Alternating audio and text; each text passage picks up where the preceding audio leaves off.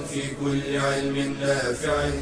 ينمو العلم ويتقدم بتقنياته ومجالاته ومعه نطور أدواتنا في تقديم العلم الشرعي. أكاديمية زاد. زاد أكاديمية ينبوعها. صاف صاف ليروي غلة الظمآن. هذه عقيدتنا الصحيحة فطرة تنفي الشكوك بواضح البرهان بشرى لنا زاد أكاديمية للعلم كالأزهار في البستان السلام عليكم ورحمة الله وبركاته. الحمد لله رب العالمين والصلاة والسلام على أشرف المرسلين محمد وعلى آله وصحبه أجمعين. اللهم إنا نسألك علما نافعا وعملا صالحا وقلبا خاشعا ولسانا ذاكرا. اللهم علمنا ما ينفعنا وانفعنا بما علمتنا واجعله حجة لنا ولا تجعله حجة علينا يا رب العالمين.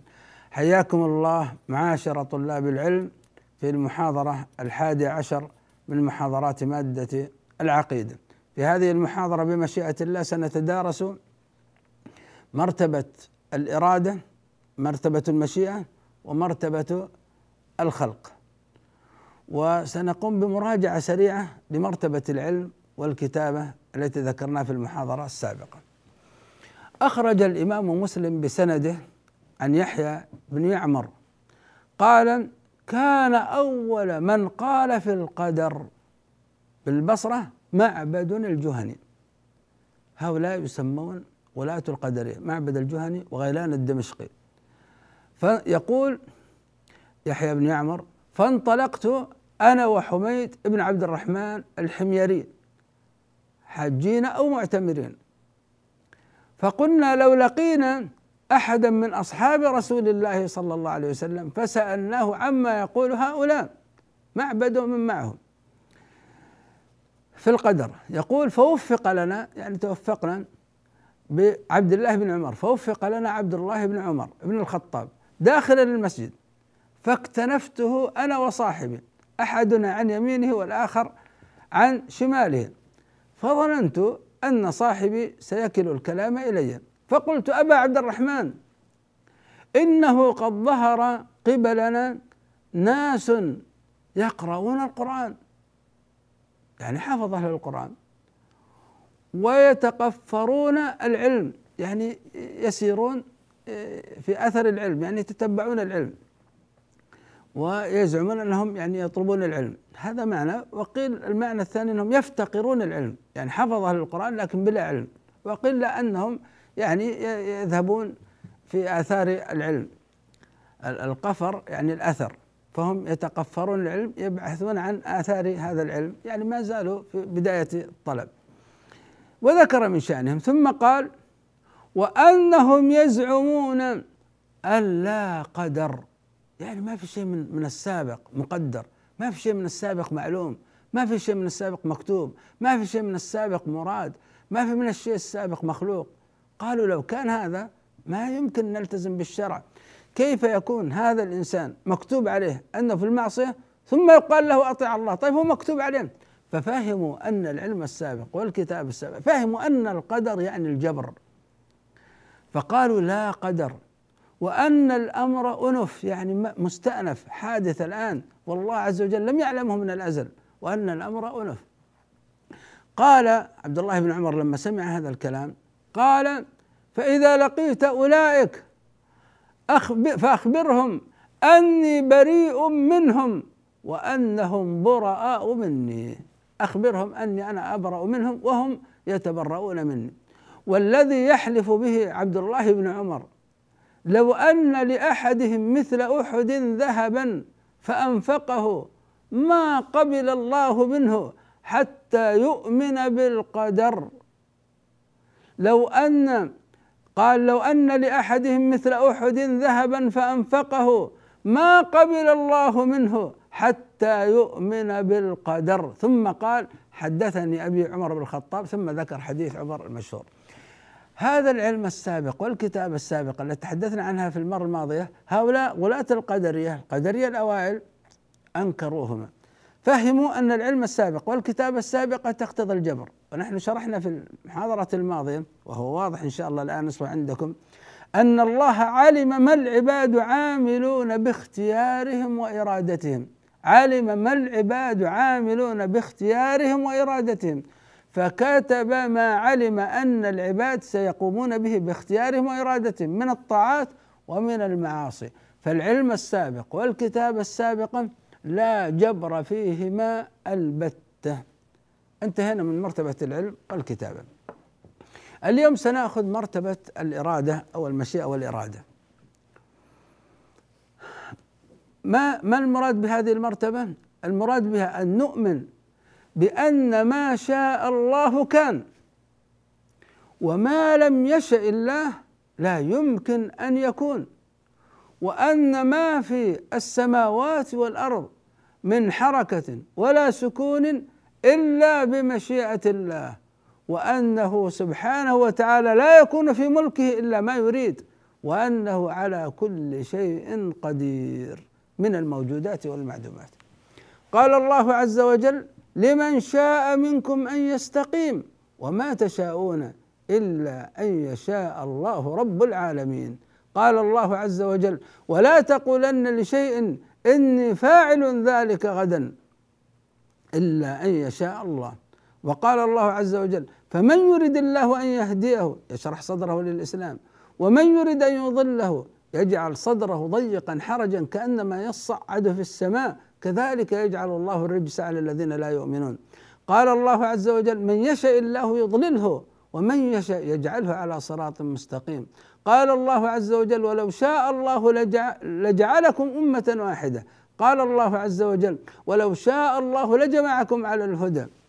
ولو شاء ربك لآمن من في الأرض كلهم جميعا. أفأنت تكره الناس حتى يكونوا مؤمنين؟ هذه مرتبة المشيئة والإرادة. الآن أريد منكم التركيز معي. نعود إلى سين من الناس وصاد. سين هذا سيسير في طريق الطاعة. علم الله ذلك أن سين سيسير في طريق الطاعة باختياره وإرادته فكتب الله عز وجل ما علم أنه سيسير في طريق الطاعة باختياره وإرادته. انتهينا منها. هل أراد الله منه ذلك أو لم يرد؟ أراد الله ذلك فهو سيسير في طريق الطاعة والله قد أراد ذلك منه.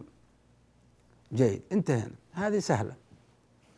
وصاد هذا الذي سيسير في طريق المعصية. علم الله أنه سيسير في طريق المعصية باختياره وإرادته. وكتب الله ما علم أن عبده صاد سيسير في طريق المعصية باختياره وإرادته. علم الله ذلك وكتبه عنده. فلا جبر فيهما. طيب هل أراد الله منه ذلك أو لم يرد؟ هذه الإجابة عندكم. أراد الله من العاصي معصيته أراد من الكافر كفره أراد من الفاسق فسقه أو لم أو لم يرد؟ يلا كل واحد يكتب أراد أو لم يرد. طيب خذوا الجواب. من قال أراد الله معصيته ثم سكت قال نقطة أراد. نقول له كيف تنكر على العاصي والكافر معصيته؟ والله أراد منه ذلك. كيف تنكر عليه ذلك؟ وهو حقق ما أراده الله منه. لو قلت لم يرد الله منه معصيته وكفره الجواب؟ هل يكون في كون الله شيء لا يريده الله؟ إذا أنت في ورطتين. إذا قلت أراد خطأ وإذا قلت لم يرد خطأ فما الجواب الصحيح؟ فكروا خلال هذا الفاصل ثم نعود إليكم بمشيئة الله. بشرى لنا أكاديمية. للعلم كالأزهار في البستان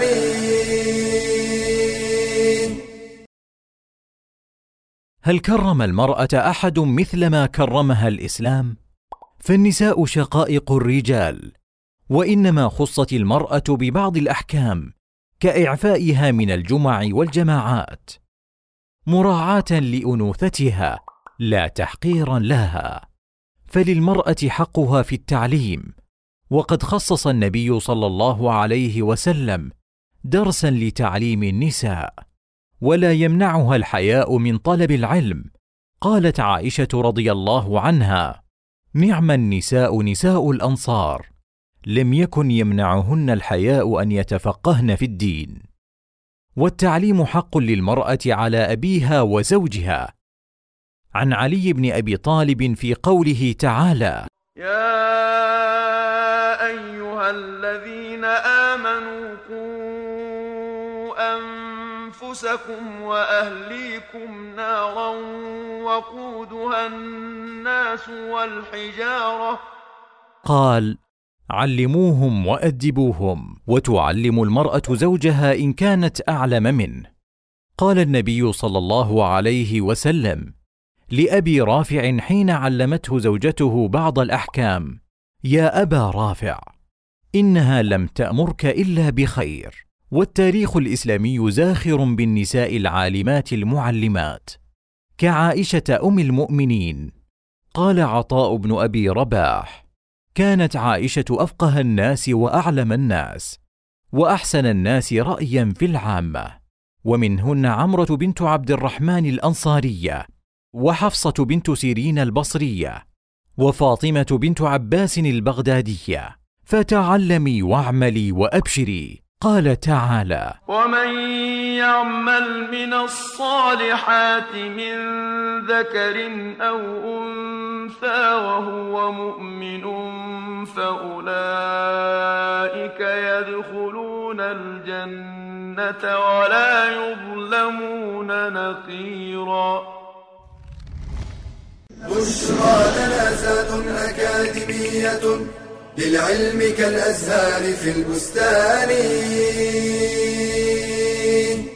حياكم الله أيها الأحبة في الله. آه قلنا لو قال الشخص أراد الله من العاصي معصيته أخطأ. لو قال لم يرد الله من العاصي معصيته أخطأ. طيب فما الصواب؟ ماذا نقول؟ الصواب فقط تضيف كلمتين. تقول أراد الله منه معصيته؟ كلمة انتبه لها تقول كونا.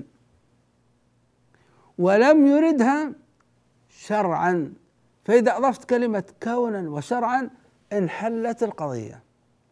أراد الله من الكافر كفره كونا ولم يرده شرعا. أراد الله من الفاسق فسقه كونا ولم يرده شرعا. هكذا تنحل الإشكالية. فالطاعات سين من الناس الذي فعل الطاعة أراد الله منه طاعته كونا وشرعا. أراد الله أن يكون في كونه الطاعات وجعلها شريعة للناس يسيرون عليها. وأراد الله أن يكون في كونه الكفر والفسوق والعصيان لكن لا يرضاها لعباده ولم يردها شريعة يسيرون عليها. فالإرادة إرادة الله تنقسم إلى قسمين. إرادة كونية وتسمى المشيئة العامة وإرادة شرعية دينية.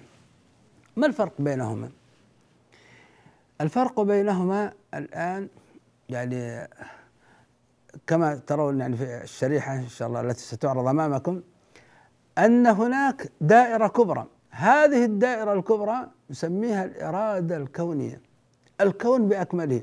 كل ما يكون في هذا الكون هو أراده الله سبحانه وتعالى. كل ما في هذا الكون مراد لله مراد لله بمعنى أراده الله أن يكون في كونه حتى يصح الابتلاء والاختبار. لو لم يرد الله أن يكون في كونه الكفر والفسوق والمعاصي لفعل.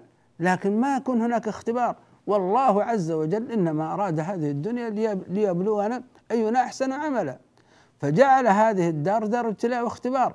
فكان فيها الكفر والفسوق والعصيان وكان فيها الإيمان والتوحيد والطاعات. فهذه تسمى إرادة كونية. يعني هذه الإرادة عامة. وهناك إرادة في الداخل. يعني عندكم دائرة كبرى في الوسط دائرة صغرى. هذه تسمى إرادة شرعية دينية. يعني أراد الله عز وجل للناس أن يلتزموا بما شرعه الله عز وجل لهم فأراد لهم التوحيد والطاعات أعطيكم مثال حتى تتضح القضية. لو أن أحد الملوك بنى عنده مملكة وبنى في الداخل عاصمة وجملها وزينها ثم قال للرعية أيتها الرعية؟ أدخلوا العاصمة. أريد منكم أن تدخلوا العاصمة. فمن دخل العاصمة فله كذا وكذا من القصور والأموال والعطايا والهبات. ومن بقي خارج العاصمة فعليه كذا وكذا من العقوبات والحرمان وتوعد. ثم قال المهلة لديكم شهر. هناك أناس دخلوا من الرعية دخلوا العاصمة. أصبحوا تحت كم سلطة للملك؟ دخلوا تحت سلطتين السلطة العامة المملكة والسلطة الخاصة العاصمة. فهم بفعلهم ذلك حققوا ما يحبه الله ما يحبه لهم الملك ما يحبه لهم الملك. فحققوا محبوبات هذا الملك ولذلك هم مقربين عنده مثابين. والذين لم يدخلوا العاصمة ما زالوا تحت السلطة العامة ما خرجوا عن سلطة الملك. فالملك أراد أن يكون هناك ناس داخل العاصمة وناس خارج العاصمة لأنه جعل الناس مختارين. وإلا كان أمر العسكر أن يجبروا الناس ويدخلهم العاصمة جبرا. لكنه أراد أن يجعل جوائز. فالذي بقي ما دخل العاصمة ما زال تحت سلطة الملك العامة سلطة المملكة. والذي دخل العاصمة هذا آه، دخل تحت سلطتين للملك السلطة العامة والسلطة الخاصة. لله عز وجل المثل الأعلى. كون الله أراد الله أن يكون في كونه الكفر والفسوق والعصيان ثم أمر الله عز وجل الناس بالطاعات وترك المعاصي والمنكرات. من التزم بالطاعة وترك المعصية حقق الإرادة الشرعية وهو أيضا داخل في الإرادة الكونية. ومن لم يلتزم بفعل الطاعات وترك المعاصي والمنكرات لم خرج عن الإرادة الشرعية ما أراد الله عز وجل له أن يكون شريعة يسير عليها في الحياة خرج عن ذلك لكنه ما زال تحت إرادة الله سبحانه وتعالى العامة وهي إرادة الله الكونية. انتبهوا يا إخوان هناك فرقتان ما استطاعت تفرق بين هاتين الإرادتين. فحدث الضلال الذي لا يفرق بين الإرادة الكونية والإرادة الشرعية سيحدث له الضلال. بالنسبة للقدرية والمعتزلة هؤلاء لا يعرفون الإرادة الكونية لا يعرفون الإرادة الشرعية. فمسحوا يعني جعلوا الإرادة فقط الدائرة الصغيرة واعتبروا من خرج عن الإرادة الشرعية خارج عن إرادة الله وبالتالي خالق لفعله ولا دخل لفعله لا قدرة لله سبحانه وتعالى على فعله. ولذلك يسمون قدرية لمنازعتهم الله في قدره. فجعلوا بعض القضاء والقدر للإنسان وأخرجوه عن قدرة الله وعن إرادة الله. ولذلك يسمون القدرية. فأنكرت الكونية وآمنت بالشرعية وجعلت من خرج عن الإرادة الشرعية هذا خارج عن إرادة الله وخالق لفعله. هؤلاء القدرية المعتزلة. وهناك الجبرية آمنوا بالكونية لكن سموها شرعية. والشرعية التي في الداخل مسحوها. فصار كل ما يفعله الإنسان في هذا الكون مراد لله كونا وشرعا يعني وهو محبوب عند الله. فخلطوا بين الأمرين. فقالوا المعاصي والكفر والفسوق هذا مراد لله ومحبوب عند الله. ورأوا أن من استطاع أن يصل لهذه الدرجة وهي شهود الحقيقة الكونية قالوا هذا تسقط عنه عنه التكاليف لكونه الآن لا فرق عنده بين الطاعة وبين المعصية لا فرق عنده بين الكفر وبين الإيمان لا فرق عنده بين التوحيد وبين الشرك. لماذا؟ لأنه شهد الحقيقة الكونية وأن كل ما يكون في هذا الكون مراد لله وهو محبوب عند الله. فهؤلاء الجبرية ومنهم الصوفية وسيأتي تفصيل هذه الفرق. لكن الآن أريدكم تفهمون هذا. عندما تفرق بين الإرادة الكونية والإرادة الشرعية أنت تسلم من هذا الضلال الذي حدث لهذه الفرق الضالة. ننتقل للمرتبة التي بعد ذلك وهي مرتبة الخلق ما معنى مرتبة الخلق؟ يعني ما من مخلوق في الأرض ولا في السماء إلا الله خالقه سبحانه وتعالى لا خالق غيره لا خالق غيره ولا رب سواه. وأن نؤمن بأن الله سبحانه وتعالى خالق العباد خالق العباد وقدرتهم وإرادتهم وأعمالهم. قال الله عز وجل الله خالق كل شيء قال الله عز وجل والله خلقكم وما تعملون طيب أريد أن أسألكم يا إخوان انتبهوا معي في هذه القضية. الإنسان مخلوق لله من مخلوقات الله نعم مخلوق لله. فهو خلق الله نعم خلق الله. فهو فعل الله نعم هو فعل الله. خلق الله وهو فعله سبحانه وتعالى. طيب الصلاة من مخلوقات الله؟ نعم من مخلوقات الله. فهي خلق الله هي خلق الله. السؤال الآن هل هي فعل الله؟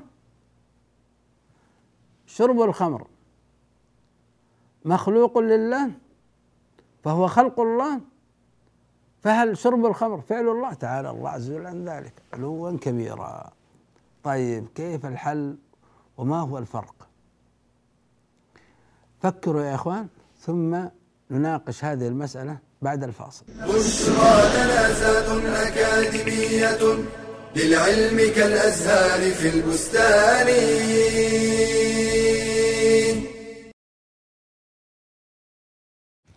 ربما تحب أحد الأبناء أو البنات أكثر من إخوتهما إما لبره أو أدبها أو غير ذلك. ولكن هل يجوز أن تفضل من تحب في العطية وتخصه بالهدايا دون الآخرين؟ لنستمع إلى هذه القصة التي جرت للصحابي الجليل.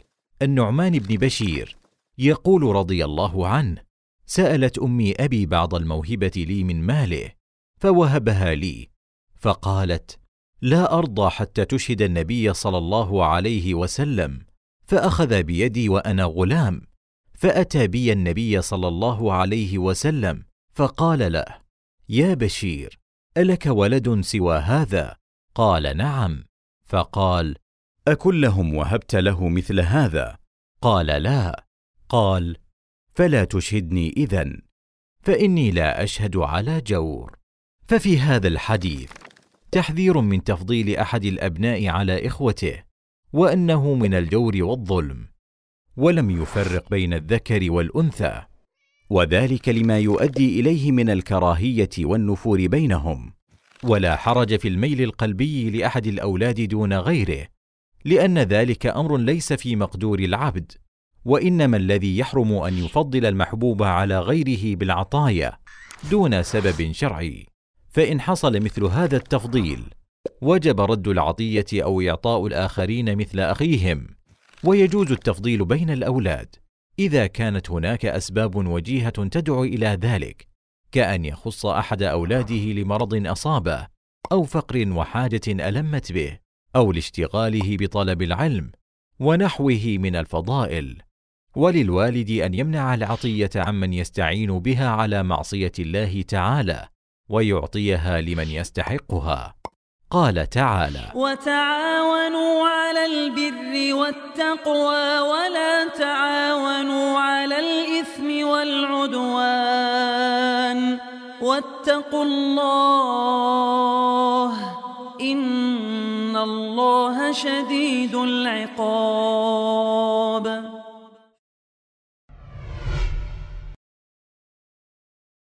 بشرى لنا أكاديمية للعلم كالأزهار في البستان.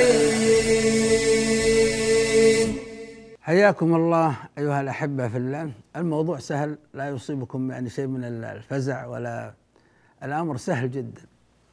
هناك فرق بين الإنسان وبين فعل الإنسان.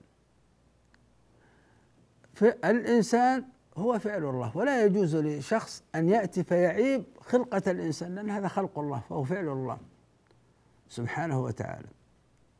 فالإنسان مخلوق من مخلوقات الله والسماء من مخلوقات الله فهي فعل الله. هذا خلق الله فأروني ماذا خلق الذين من دونه أما الإنسان وما يصدر منه من أفعال اختيارية لا الاضطرارية الأفعال الاختيارية التي تكون من الإنسان هي فعل الإنسان. فعل الإنسان فالمصلي هو الإنسان وشارب الخمر هو الإنسان فهي فعل الإنسان. فعل العبد ويثاب العبد على الطاعة ويعاقب على المعصية لأنها فعله. وهي مخلوقة لله مفعولة لله وليست هي فعل الله. كيف مخلوقة لله وهي فعل العبد؟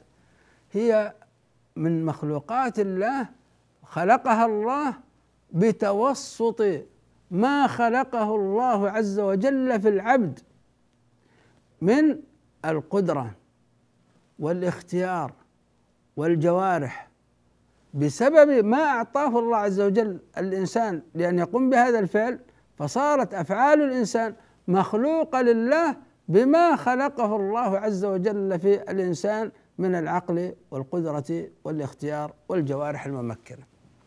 وإلا لو شاء الله عز وجل لسلبه هذه القدرة فما استطاع أن يصنع شيئا ما استطاع أن يفعل شيئا.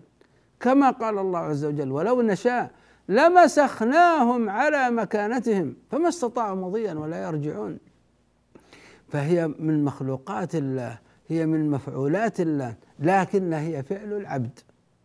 هي فعل العبد وهكذا. فهكذا تقول الله عز وجل خلق العباد وخلق أعمالهم. كيف خلق أعمالهم؟ هل أعمال العباد فعل الله؟ لا تعالى الله عز وجل عن ذلك. وإنما خلق الله عز وجل العباد خلقا مباشرا وخلق أفعالهم بما خلق فيهم من القدرة والعقل والاختيار.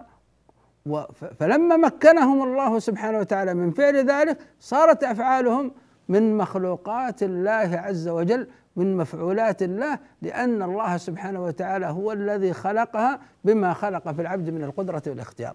فأعمال العباد تضاف إلى العباد تضاف إلى العباد فعلا وايجادا وكسبا. وتضاف إلى الله سبحانه وتعالى خلقا وايجادا. هكذا يكون الموضوع. ننتقل إلى مسألة أخرى. انتبهوا معي في هذه المسألة وهي من المسائل المهمة. الآن نحن ثبت عندنا أن العلم السابق أن الكتاب السابقه أن الإرادة سواء الكونية أو الشرعية. وأن الخلق لا جبر في هذا القدر لا جبر في القدر في على أفعال العباد الاختيارية. هذا الإنسان الذي توجه للصلاة علم الله ذلك أنه سيتوجه إلى الصلاة باختياره وإرادته. وكتب ذلك عنده. وشاء وقوعه. لكن هنا أراده شرعا. والله عز وجل خلقه بما خلق في العبد من القدرة على إيقاع هذا الفعل. صار القدر الآن يعني هل في جبر؟ ما في جبر. وهذا صاد من الناس علم الله أنه سيسير في طريق الطاعة باختياره وإرادته فكتب ما علم وشاء وقوعه فأراده أن يكون في كونه. وخلقه الله عز وجل بما خلق في العبد من العقل والقدرة والاختيار فأوقع تلك المعصية. أين تدخل القدر؟ أين القدر يا إخوان هنا؟ القدر يا إخوان يكون قبل أن يفعل هذا الإنسان الطاعة وقبل أن يفعل هذا الإنسان المعصية. يتدخل القدر قبل ويتدخل القدر معا كيف ذلك؟ مع قبل الفعل ومع الفعل. أما قبل الفعل فتدخل القدر وفق عدل الله سبحانه وتعالى. كيف ذلك؟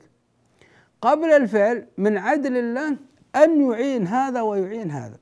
فيأتي القدر بالنسبة لأفعال العبد الاختيارية هذا وهذا يأتي قبل الفعل وفق عدل الله. كيف؟ يعطيهم يعطي الله سبحانه وتعالى عباده أعانهم على فعلهم بماذا؟ بأن أعطاهم العقول المدركة فيدرك أن هذا الطريق خير وأن هذا طريق شر. فأعانهم الله سبحانه وتعالى بذلك. وأعانهم الله سبحانه وتعالى بالجوارح الممكنة. وأعطاهم السمع والبصر واليد والجوارح وهكذا. وأعطاهم الله سبحانه وتعالى الإرادة. وأعطاهم الله سبحانه وتعالى الشرع. فوفق عدله ساوى الله عز وجل بين جميع المكلفين في الالتزام بالشرع ساوى الله عز وجل بينهم في الإعانة وفق عدله. ثم مع الفعل يأتي تدخل القدر وفق حكمة الله سبحانه وتعالى. كيف ذلك؟ عندما يأتي هذا الإنسان يريد أن يفعل الطاعة. كل ما ذكرناه بالاختيار والإرادة. تذكرون هذا بالاختيار والإرادة. علم الله وكتب ذلك وشاء وقوعه وخلقه. طيب. أين يتدخل القدر مع الفعل؟ الله سبحانه وتعالى هنا مع الفعل يشرح الله صدر هذا الفاعل. يشرح الله صدره. ييسر أمره. يفتح له أشياء ما كانت في ذهنه ولا في تخطيطه. يضاعف الله قدرته على ذلك الفعل أضعاف أضعاف ما هو عليه في الواقع. هذا من عون الله سبحانه وتعالى للإنسان على أن يقوم بطاعة الله. لا إله إلا الله. هذا يسمى توفيق من الله. هذا يسمى التسديد. هذا يسمى إعانة على الطاعة. وهذا من حكمة الله ومن فضل الله ومن كرم الله سبحانه وتعالى.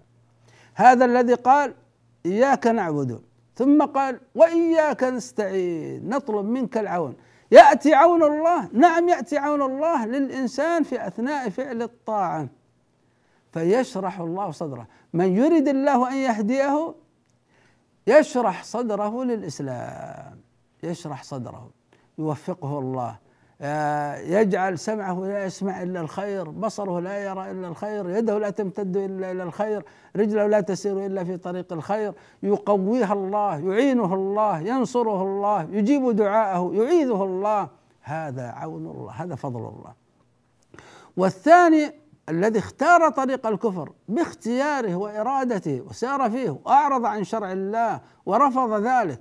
فإن الله سبحانه وتعالى يخذله من حكمته جل جلاله. فلما زاغوا أزاغ الله قلوبهم. ومن يريد أن يضله لكونه خلاص اختار طريق الضلال هو سار. من يريد أن يضل يجعل صدره ضيقا حرجا كأنما يصعد في السماء عندما يسمع كلام الخير. بل يزين له ما هو فيه.